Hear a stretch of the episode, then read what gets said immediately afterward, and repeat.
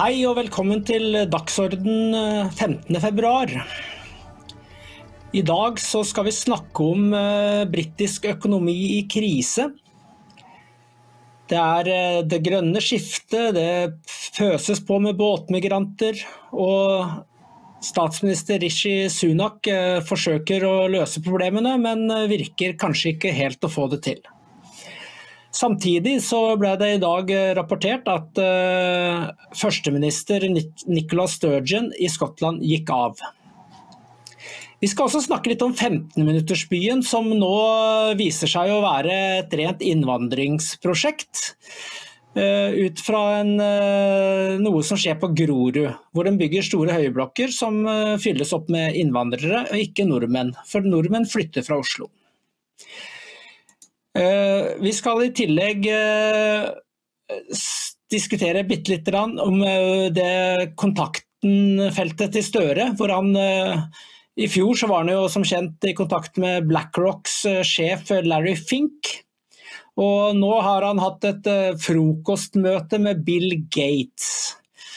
Og her er det en del interessante personer som er involvert i, i det spillet som Støre prioriterer, da. Som ikke handler om oss eh, vanlige folk. Da.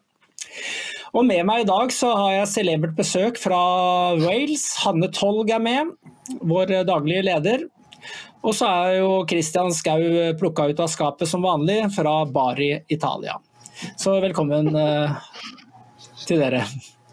Takk. Ok, vi starter med britisk økonomi. Det er jo faktisk slik nå at uh, britene opplever en, ja, kanskje den største krisen noen sier etter andre verdenskrig, andre sammenligner det med kullstreiken på 80-tallet under Thatcher. Men basically Det er altså millioner av briter som sliter på grensen av fattigdom. Det er massive streiker. og Regjeringen virker jo handlingslammet. Hva, hvordan oppleves dette fra Wales, Hanne? Ja, hvordan i Wales? Her hvor jeg bor, så er jo ikke Vi har jo ikke de, de aller fattigste i Storbritannia rundt i dette området, eh, kan man si. Men når det sies, eh, så, så, er det jo slik at i disse dager så tar man på seg en god, og tjukk og varm genser når man går på besøk til venner, fordi innetemperaturen ligger nå på 16-17 grader. Folk har fått veldig, fått veldig dårligere, mye dårligere råd eh, med, med, eh, med, med energi prisene, selvfølgelig. Vi har jo eh, både strøm og gass, og vi har ikke mye gass fra Russland. Vi har til og med mye vindkraft. Eh, her hvor jeg bor, i Nord-Wales, så har vi en stor eh, vindfarm utenfor, utenfor, kysten her, som da skal gi Som skulle, var ment å skulle gi billig strøm til alle husstandene i området i Nord-Wales. Og, og det er jo ikke tilfellet. Vi betaler akkurat det samme eh, som alle andre, eh, og det er høye priser. Eh, spesielt sett fra med britiske lønninger så er det helt ekstremt høye priser.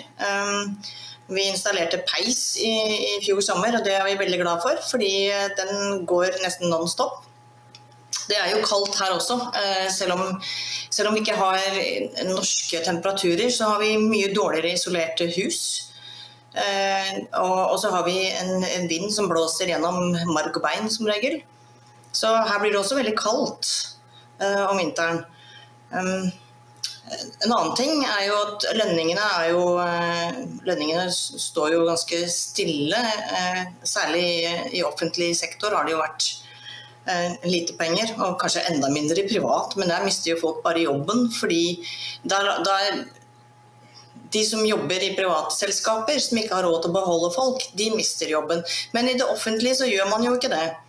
Ehm, så den offentlige byrden eh, blir jo bare større og større å beholde folk i arbeid som de egentlig ikke har råd til å fortsette å ha ansatt. Så de har derfor større si, slingringsmonn når det gjelder å, å streike. Eh, så det er de offentlige som streiker. Eh, alle lærerne som var så bekymret for alle elevene under covid-krisen, de streiker gladelig nå. Og da, nå spiller det ingen rolle lenger om barna må være hjemme fra skolen, for nå er det deres egne lønninger det er snakk om. Så Dels er det altså lønn, lønnsnivået som har holdt seg. Så er det inflasjon som er rundt 10 eh, Rentene er gått opp fra skal si, et par prosent til omtrent 7,5 på boliglån. Eh, og i motsetning til Norge så er det lånet man har på boligen her, normalt ti ganger inntekten. Så alle de som tok store lån, men til en veldig lav rente, de sitter nå i en skikkelig rentefelle. I tillegg til at eh, boligprisene er i ferd med å flate ut fordi folk har ikke råd til å kjøpe nye boliger. Så det er en sånn perfekt storm. Ehm, og jeg ser jo det at i veldig mange av, eh, veldig mange av avisartiklene som dreier seg om økonomien, så skyldes det på brexit eller covid eller på Ukraina. Men det er nok ikke hele sannheten. Ehm, mesteparten av problemet akkurat nå vil jeg si er, eh, det er rentehoppet på boligen, og det er eh, prisen vi betaler på strøm og gass. Ja, jeg skrev jo en artikkel om dette her eh, nylig. for at uh, En journalist i Aftenposten skrev at uh, hun, Det var jo for så vidt interessant at Aftenposten skrev dette her, da, men at uh, krigen i Ukraina rammer britene hardere enn Russland. Men i selve artikkelen så er det jo den samme historien vi blir fortalt overalt, at alle problemene skyldes Putin og Ukraina.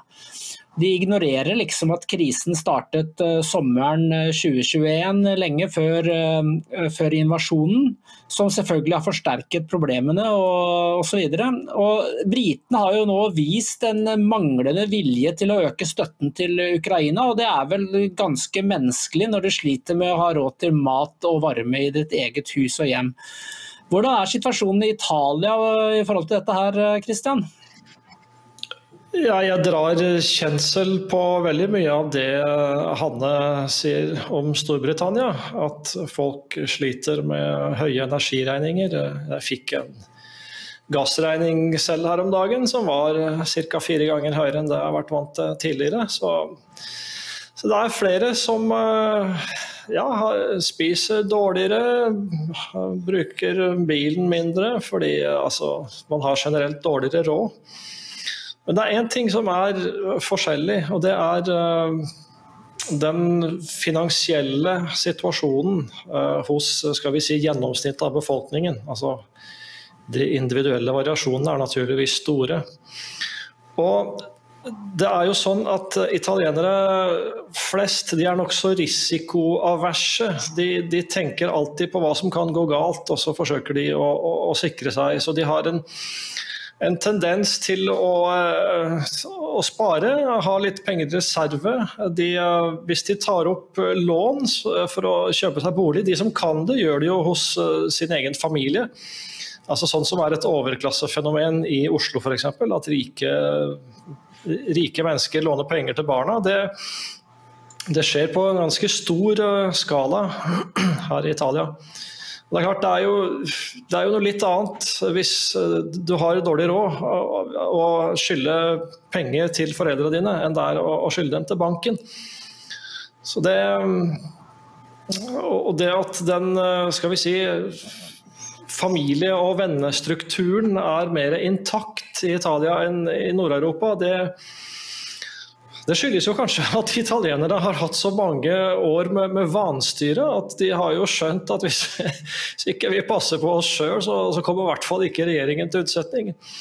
Og Det gir jo på en måte en slags robusthet. Men det er klart det er jo mange som ikke dekkes av dette. her. Jeg ser jo at det er mange som tigger. Jeg ser køene utenfor uh, slumstasjonene til kirken og andre. Så det er klart at dette her, det, det biter for mange. Jeg må, jeg må si en ting. Um, fordi at Du nevnte den artikkelen i Aftenposten. og jeg, Det var veldig interessant at uh, journalisten jeg husker ikke hvem det var, hun hadde vært på besøk i Burnley, av alle steder. Uh, Burnley er jo ikke London. Um, Burnley er en av de fattigste byene nordpå, som var en av Storbritannias, om ikke den rike altså, om ikke, Jeg tror det faktisk var en av de rikeste byene i Storbritannia for mange år siden da det var en tekstilindustri. Det er også en av de byene som er blitt pakistansk. Um, ordføreren er pakistaner, um, halve byen er pakistansk. Uh, og, og denne, denne, eldre damen som journalisten hadde intervjuet, hun hadde mistet jobben sin i puben. Uh, og greia er jo den, f.eks. i Burnley som i mange andre disse nordlige byene, så blir det jo stadig færre puber fordi den befolkningen som bor der nå, går ikke på pub. Så her var det nok eh, flere ting. Eh, hvis dere husker eh, altså, the, the, Riots som var i 2001, som begynte i Oldham og Leeds og spredde seg. Burnley var en av de, en av de byene som virkelig fikk gjennomgå i 2001, eh, hvor de bl.a. brannbombet Duke of York, den, en av de mest populære pubene som, som, var der, som lå helt på grensen mellom det muslimske området og det hvite området. Eh, så det er liksom mange Det er mange det er mange, mange, faktorer som spiller inn når det gjelder fattigdom. og Storbritannia har importert og fortsetter å importere eh, helt ufrivillig eh, båtmigranter som kommer uten nåla i veggen. Og alle skal ha et sted å bo, alle skal ha mat. Og det er klart at, det er klart at dette koster veldig mye for Storbritannia. I år forventes det 65 000 Eh, illegale migranter som kommer da over kanalen i småbåter. Denne kostnaden blir bare større og større, fordi at eh, de blir jo her. Og har lite å bidra med til økonomien. Det med pubene er litt interessant. for Først så er de jo blitt eh, pressa ut som du sier, av at eh, man skifter ut befolkningen. Og Nå er det jo også massivt eh, konkursløp blant de britiske pubene pga. energikostnader og andre økte kostnader. Og det er jo på en måte, Man kan si hva du vil, det er jo bare en, et sted hvor folk går og drikker øl, men for britene så er dette her Det er på en måte deres andre hjem. da. Det er ikke sånn som i Norge hvor vi går ut og drikker oss dritings eh, en gang i måneden på en eller annen pub. Dette er hjemmet deres, og mange av dem bor jo i små, kanskje ikke så trivelige steder, og så er, møtes de på puben. Både til lunsj og etter middag. og så I gamle dager så var det jo regel om at det måtte stenge klokka 11 for at folk skulle komme seg hjem og være klare for jobb dagen etter. Det er jo endra nå, da, men Nei, de, men, fleste, de eh, fleste, stenger klokka 11. ja, det er da, da tradisjonen, da. Men regelen er ikke Ja, ja, men altså, de, de, som, de som jobber der, vil jo også hjem. Det er jo ikke nattklubber, dette her. Mm.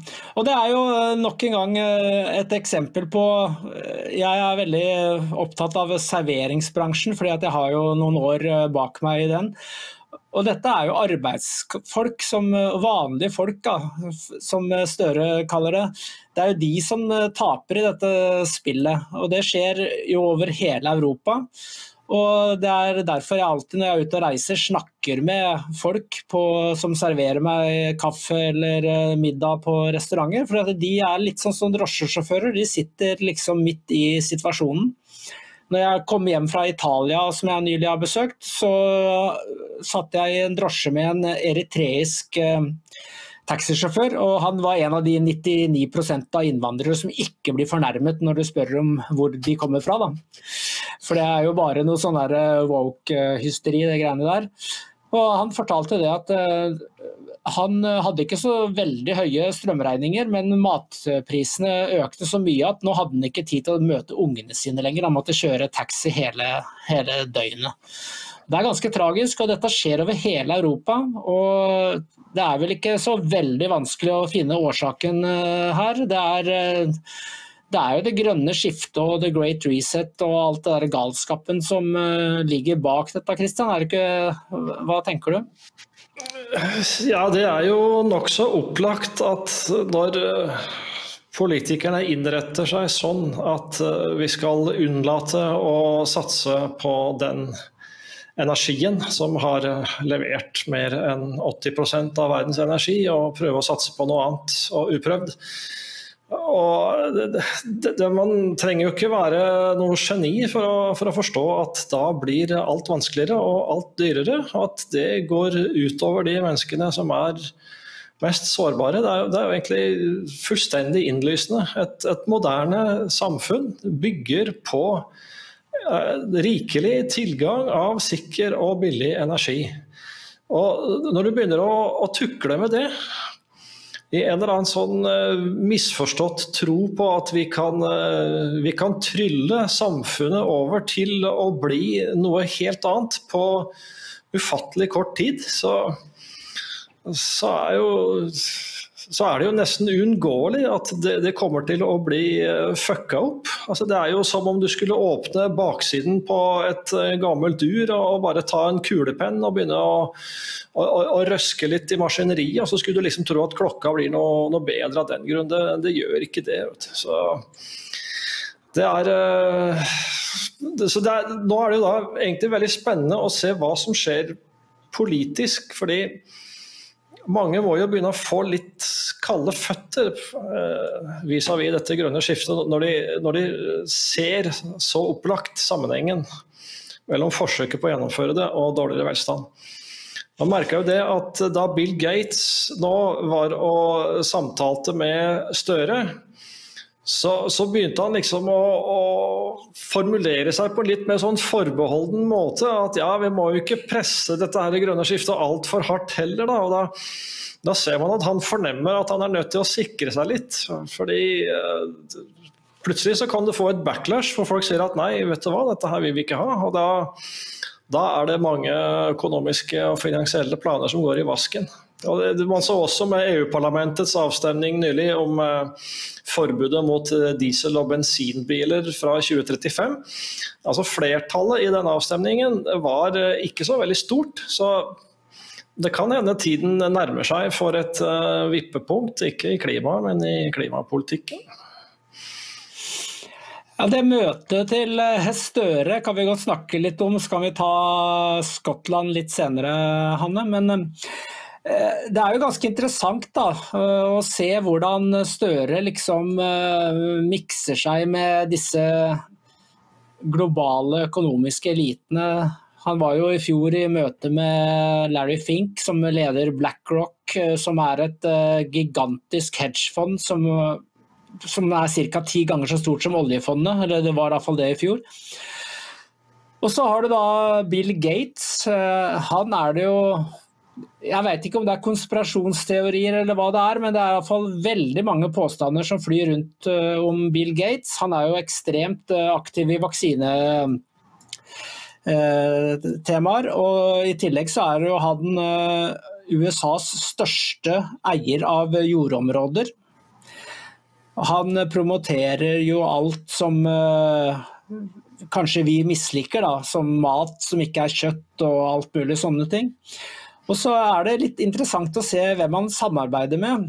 Han har et, eh, I den saken i Aftenposten så sto det sånne faktabokser. Så jeg kikka meg inn på dem. og der, eh, Han driver en eh, organisasjon som heter Breakthrough Energy. Altså gjennombrytende energi. Det betyr ingen energi, da, sånn som vi vet det, men uh, ikke for Bill Gates. Men hvem er det han samarbeider med, da? Her skal jeg lese opp navnene, og det er ganske fantastisk. Jeff Bezos, altså sjefen for Amazon.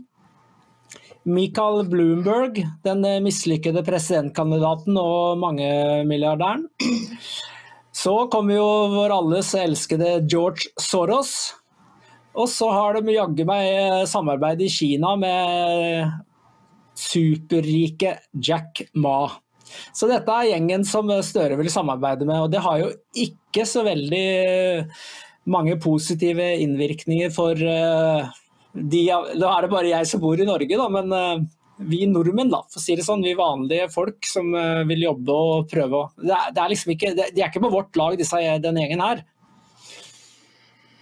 Det burde jo egentlig være forbudt for så mange mektige og rike personer bare det å møtes, nesten. Altså, det, tenker at eh, Send inn Økokrim, altså, for her, det, her, blir det helt sikkert lagt planer som, eh, som ikke, er til, ikke, er noe bra for oss. Og, altså, særlig når, eh, når, Kina er med. Dette er jo et, et omkved for globalister, at vi må involvere Kina. Og alt er liksom glemt med hybridkrig og pandemi og alt dette her. Kinesere skal på død og liv være med. og Biden-administrasjonen eh, har kanskje iverksatt noe som ser ut som tiltak eh, som er ment å ramme Kina, men det er liksom så tafatt at man tar seg i å tenke at dette er spill for galleriet. Da. At, nei, det det er mye som kan gå galt når eh, disse menneskene møtes, det er helt klart. Har du noen tanker om dette du, Hanne? Eh, ikke annet enn det Kristian sier. Eh, jeg også synes det er, det er skremmende når så mye makt samles på så få hender. Eh, og når alle våre politikere er så kine på å, på å få sin del av kaka personlig. Ja, det, det sikkert ikke ut til å være noen eh, som bryr seg om, eh, om eh, folk i egne land lenger. Og de som gjør det, de blir jo stemplet som fascister. Og så har de jo innrettet landene som hver enkelt av politikerne styrer, de er nå blitt innrettet på en sånn måte at de de ikke lenger kan beskytte seg mot det som skjer eh, på den globale scenen. Altså Alle økonomiene er blitt så åpnet, og alt skal flyte fritt. Eh, ikke bare Europa rundt, men, men verden rundt. Og da vil jo nesten alle statene bli litt sånn kasteballer hvis ikke de er eh, kjempestore. altså Hvis de ikke er blant de eh, liksom, fem-seks største økonomiene i verden, så, så, vil jo da alle være like politisk eh, hjelpeløse når du har et kjempedigert verdensomspennende økonomisk, teknologisk maskineri som bare, bare kverner av gårde. Så, så politikerne vil jo da bare forsøke å, å, å, løpe etter og administrere dette så godt de kan. Fordi eh, de tenker sannsynligvis seg imellom at vi er jo helt hjelpeløse til å stoppe dette. Så vi kan jo like gjerne prøve å ri på dette beistet her og prøve å gjøre det beste ut av det. Om ikke for våre egne borgere, så i hvert fall for oss selv. Og det, hvor demokratiet blir av oppi dette her, det kan jo enhver gjøre seg sine tanker om. Jeg er ikke sikker på hvor hjelpeløse de føler seg. Christian. Jeg tror Støre føler seg veldig handlingskraftig når han snakker med en av verdens mest rike og innflytelsesrike personer.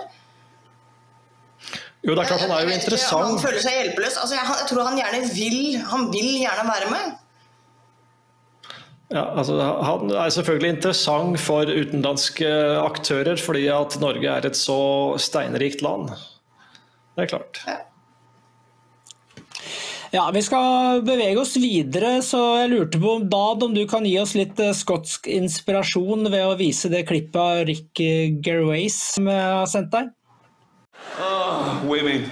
Uh, not all women. I, I mean the old-fashioned ones. You know, the old-fashioned women. Oh, God. You know, the ones with wombs. Oh. Those fucking dinosaurs. Uh.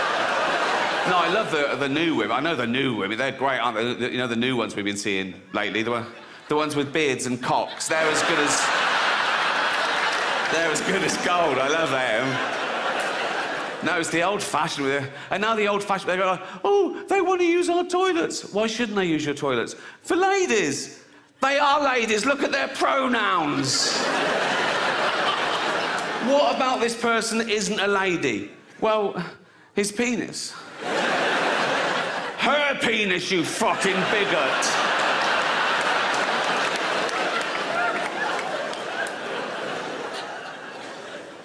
What if he rapes me? What if she rapes you? You fucking turf whore.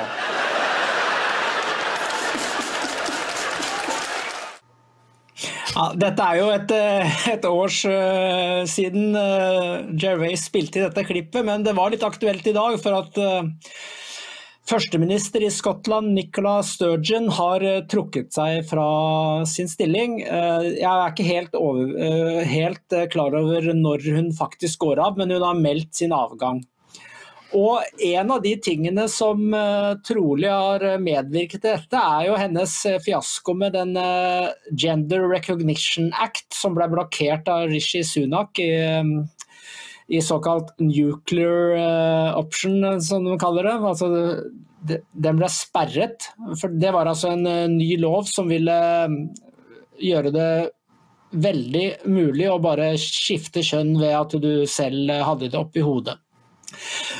Og i tillegg så har hun vært, blitt sterkt kritisert for å omtale en mannlig voldtektsforbryter som kvinne. Det kan du fortelle litt om, Hanne? Ja, det kan jeg. Uh, historien var altså en en ansiktstatovert, brutal mann som het Hva heter det? Adam, Adam Graham. Graham. Mm. Graham, ja.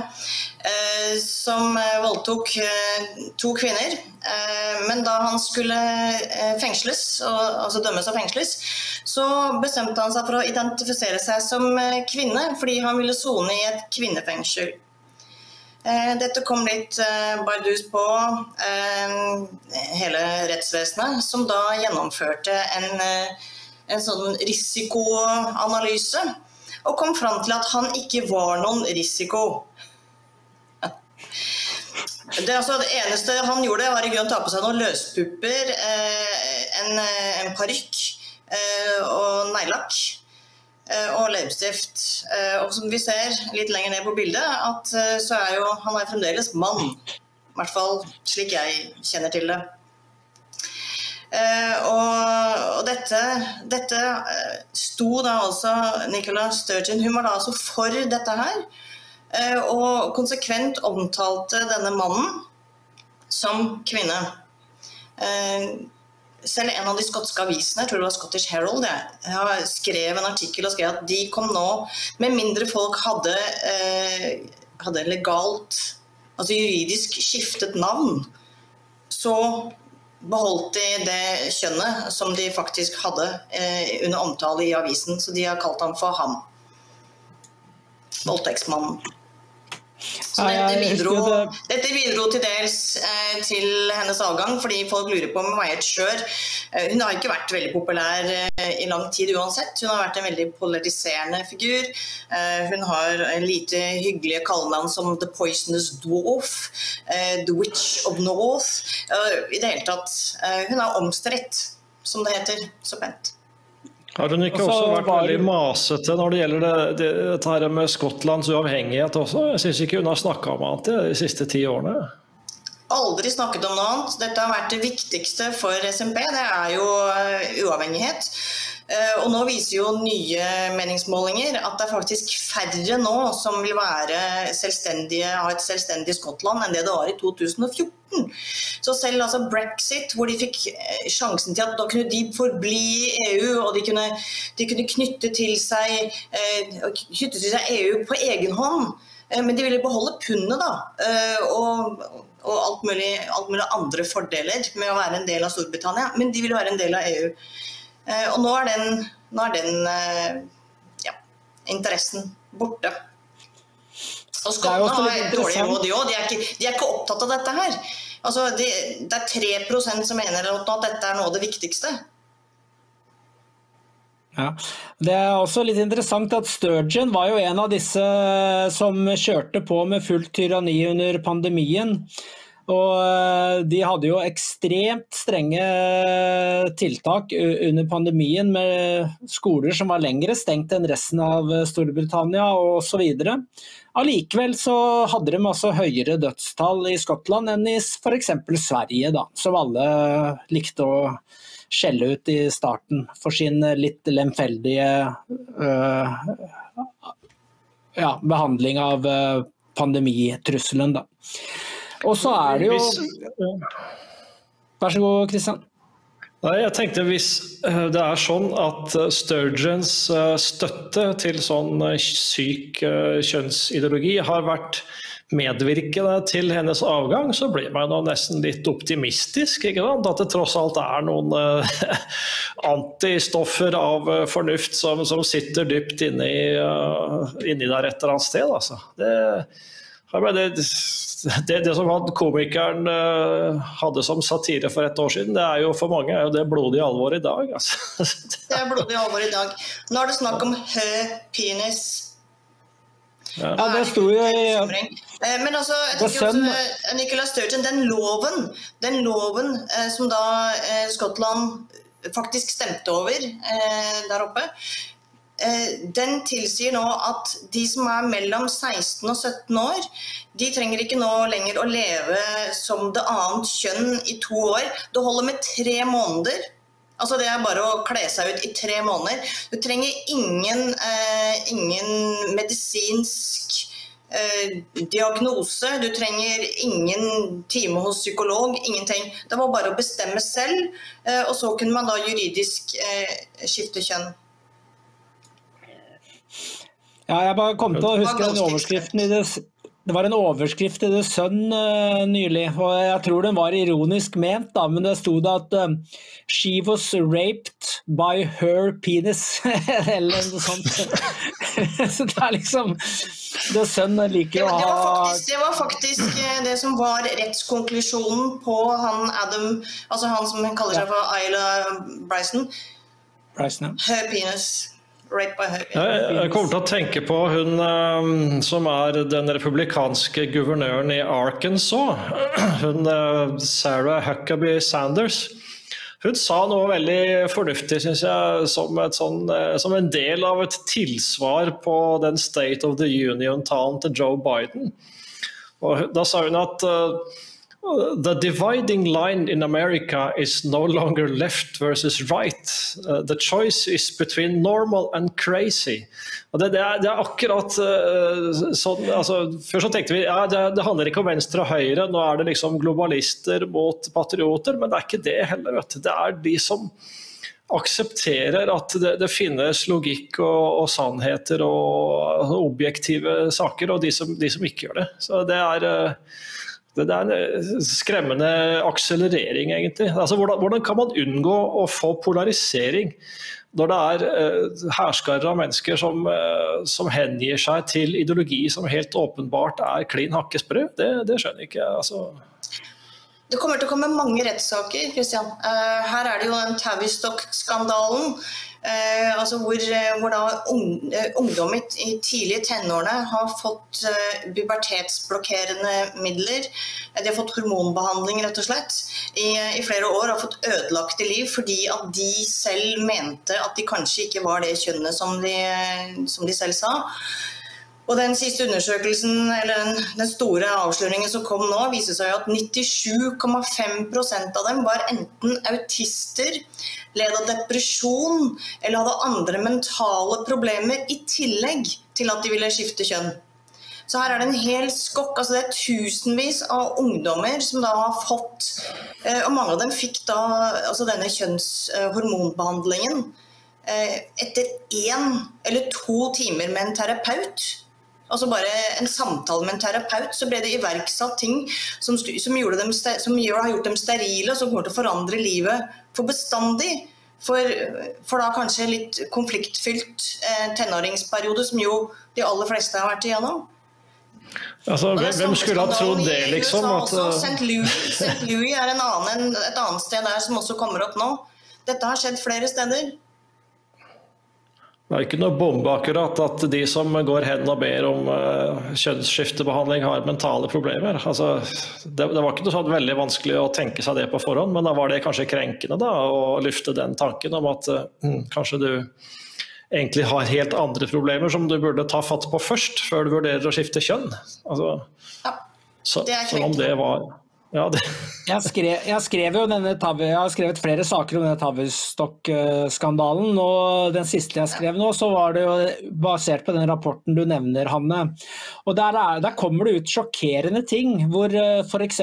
Münchhausens syndromet blir nevnt. At det er altså familier som presser ungene sine til å gjennomføre kjønnsoperasjoner og kjønnsendrende, eller kjønnsendrende medisinering ut fra Munchhausen-syndromet, som er altså at du putter sykdom på en annen for å få sympati selv.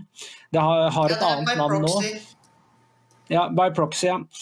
Altså ved tilstedeværelse, eller ja. Og, Men det er nok mye Munchhausen også. Altså selvskading for oppmerksomhet. Det er, det er veldig mange ting ute og går her.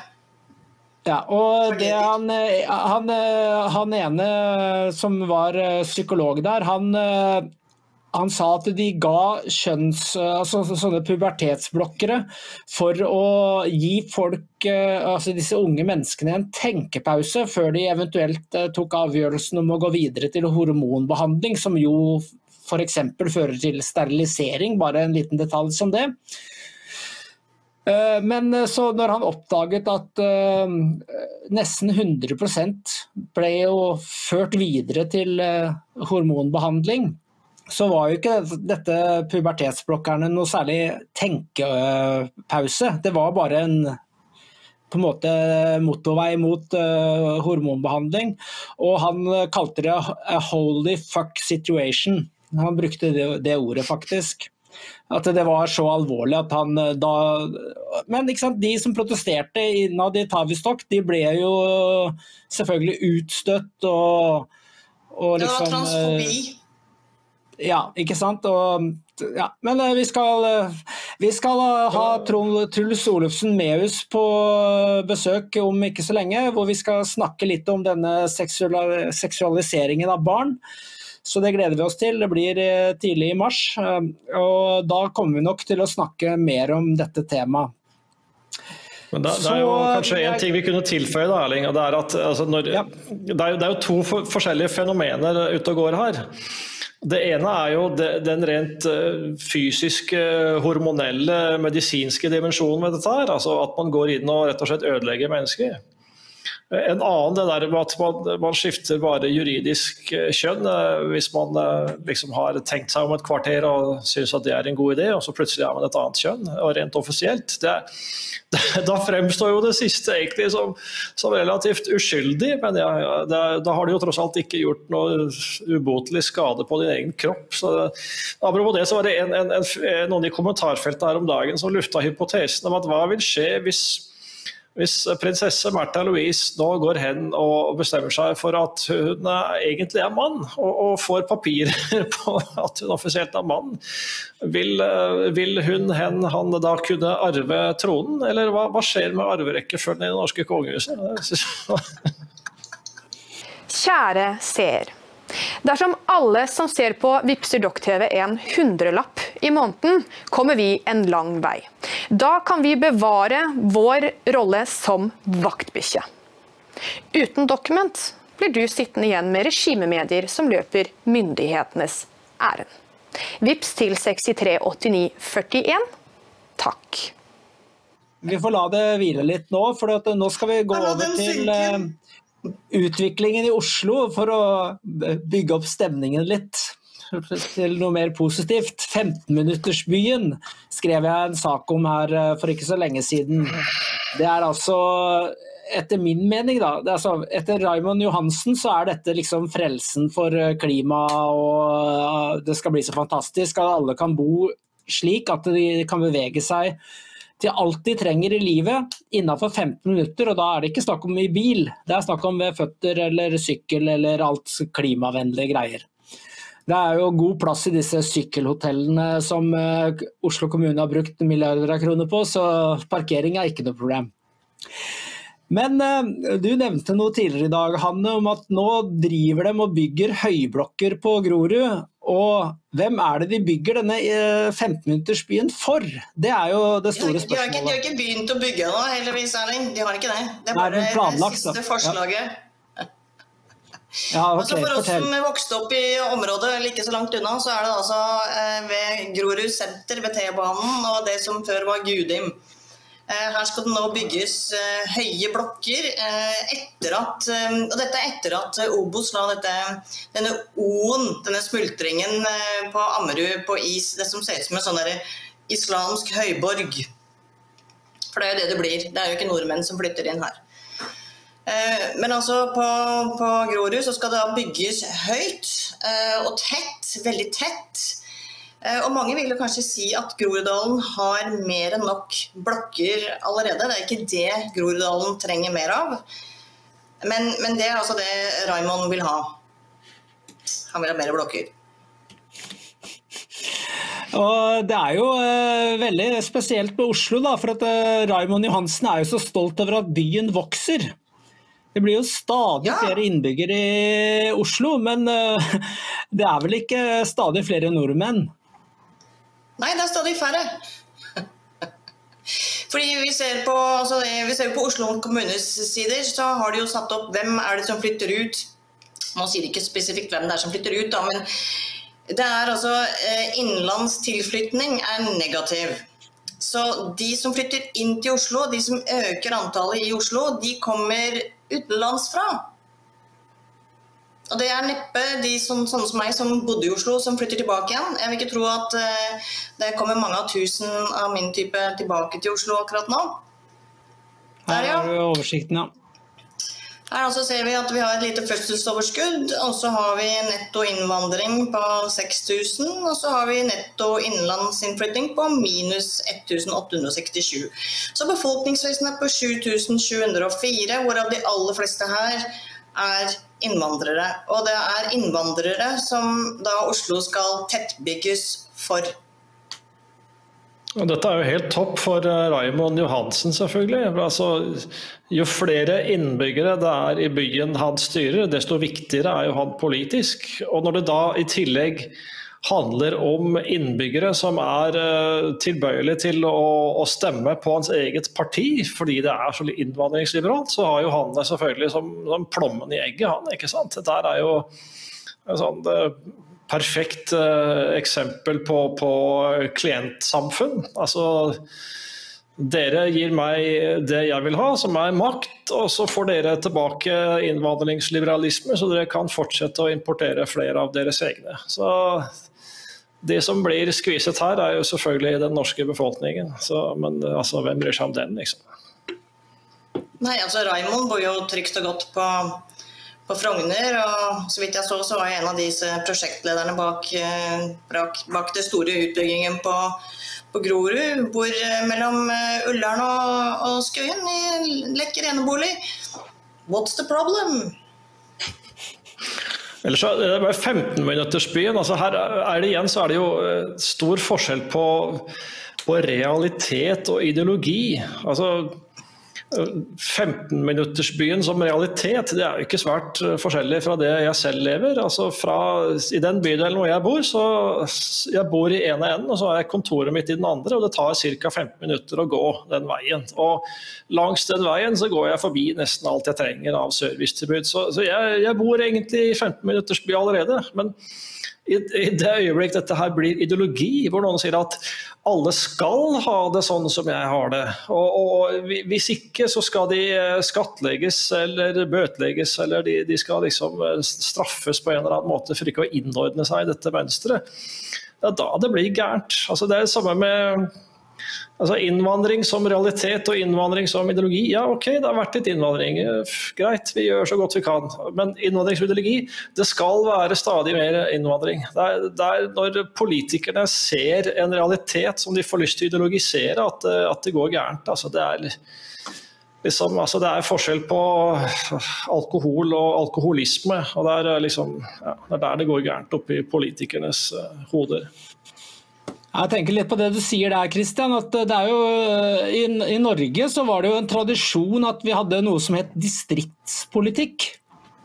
Vi skulle liksom uh, sørge for at det gikk an å bo overalt i Norge. Men det er jo, dette 15-minuttersbyprosjektet er jo totalt fiendtlig innstilt til, uh, til denne tankegangen. Det er jo slik som eh, Hans, eh, vår redaktør, fortalte meg for et eh, ja, det er vel halvannet år siden eller noe sånt, om naboer som hadde store gårder og som forsøkte å bygge et hus til sine barn.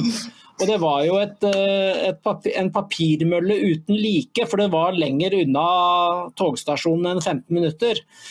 Og da blir det, altså Så lenge det sklir over i tyranni, så merker jeg at eh, jeg reagerer negativt. Og jeg er også litt sånn 15-minutterskar, eh, som du sier, eh, eh. Jeg er stort sett hjemme, og butikken ligger to minutters sykkeltur unna. Og, jeg, og det er en lokalpub som jeg besøker et par-tre ganger i året. Og Stavanger, som er sju minutter med toget unna, det besøker jeg nesten aldri. For at jeg, hva skal jeg gjøre i byen, liksom. Men, men det, det, er mitt valg. Og jeg er jo en sær person som lever eh, rart. Eh, men det skal ikke være tvang, og det er det som er problemet. Men Du brukte et ord eh, Erling, som er litt sånn uh, lite moteviktig i våre dager. Altså, distriktspolitikk, det er, det er, veldig sånn der 1987, er det ikke det? Altså, hvem, er det fascisme det nå? jeg, husker det ordet godt. Ja. Det var den gangen da, da, Oslo var stedet som tjente penger for resten av landet, og som måtte betale for broer og uh, tunneler og veier og alskens mulig infrastruktur for resten av landet. Det er jo ikke situasjonen lenger. By og land. Norge det var jo slagordet til Arbeiderpartiet. Altså, nå begynner så vidt Senterpartiet å murre fordi at det blir ikke noe strøm igjen i Finnmark hvis du skal elektrifisere Melkøya. Det der, altså Tenk deg hva slags storm et sånt forslag ville ha, ha, skapt hvis det hadde skjedd i en epoke som ikke er så sprø som den vi befinner oss i. Det, altså, det, jeg kan ikke skjønne at de ville ha blitt spist levende, de som hadde foreslått at nei, skal, her skal vi eh, bruke like mye strøm som hele Finnmark konsumerer på et, et klimatiltak som alle skjønner har null global virkning. Jeg kom til å tenke på det gamle slagordet. Det var vel Arbeiderpartiet som hadde det slagordet 'by og land, hand i hand'. hand, i hand. Vi er langt derfra nå. ja, det er like fjernt ja, som antikken, det. altså. Det er jo Ja, det er omtrent så du må lese historiebøker for å komme, komme over sånn. Og det er ikke så veldig mange tiår siden. Vel, vel. Eh, jeg tenker vi skal nærme oss avslutning. Og av eh, gode grunner så vil jeg kanskje be Hanne om å si noen ord om eh, hvordan eh, folk kan støtte arbeidet vårt. Ja, eh, vi har jo litt VIPS. Nå husker ikke jeg det lange nummeret på Dokk TV-vipsen, men jeg husker 63 89 41. 63 89 41, er det ikke det? 89 41, ja. Jeg må bare si det flere ganger. 63 89 41 TV-vips. Veldig viktig. Vi trenger vipsepenger i tillegg til abonnenter. Abonnenter er viktig. Abonnenter. Uh, Donasjoner er viktig. Alt det, det, Jeg vil også oppfordre dere, hvis dere har lyst til å dele våre saker, så er jo Facebook uh, på, måte, på, mange måter vår fiende. De driver med sånn shadow-banning og alt mulig sånt. Så det er veldig fint hvis dere går inn på vår hjemmeside og leser sakene der og deler de derfra. Og dessuten, hvis du går inn på vår hjemmeside dokument.no, så plutselig så oppdager du at det er fire andre saker du har også lyst til å lese. Istedenfor å bare følge det som dukker opp i Facebook-feeden. Det er faktisk Ja, ja, men når du, når du sier det, Erling, så hvis du kan dele på sin egen Facebook, altså via vår nettside, men ikke dele de sakene vi har liggende på Facebook, men dele dem Nettopp. på Facebook, men direkte fra nettsiden vår. For der er det ikke noe brems. Nettopp, det er det jeg mener. at uh, Gå inn på nettsiden, og så er det Du kan enten bare kopiere Eh, det, det, som står øverst på sida, og lime inn hos, eh, på din Facebook-side, eller kan bruke de eh, Ja, det ligger sånne Facebook-klikk og Twitter-klikk og sånn under siden. Jeg har aldri brukt det, så jeg er ikke så ekspert på det. Jeg pleier bare å copy-paste, da. Men det Og så er det veldig hyggelig hvis dere gidder å tørre. Det er ikke det er, Vi må våge nå å snakke snakke med folk om eh, alt som skjer rundt oss. Det er ikke farlig. Er ingen, du dør ikke av, at, eh, av, litt uenighet. og vi, Selv vi innad i redaksjonen i Dokument er uenige om mange ting og diskuterer så fillene fyker. Men det, det er sånn som et demokrati skal fungere, og det håper vi at eh, vi kan prøve å spre utover i samfunnet. Så da vil jeg takke Hanne og Christian for at dere kunne stille opp i dag. Og selvfølgelig, som alltid, takk til våre teknikere Dan og Lars. Og til dere som så på, ha en riktig god kveld. Takk for nå.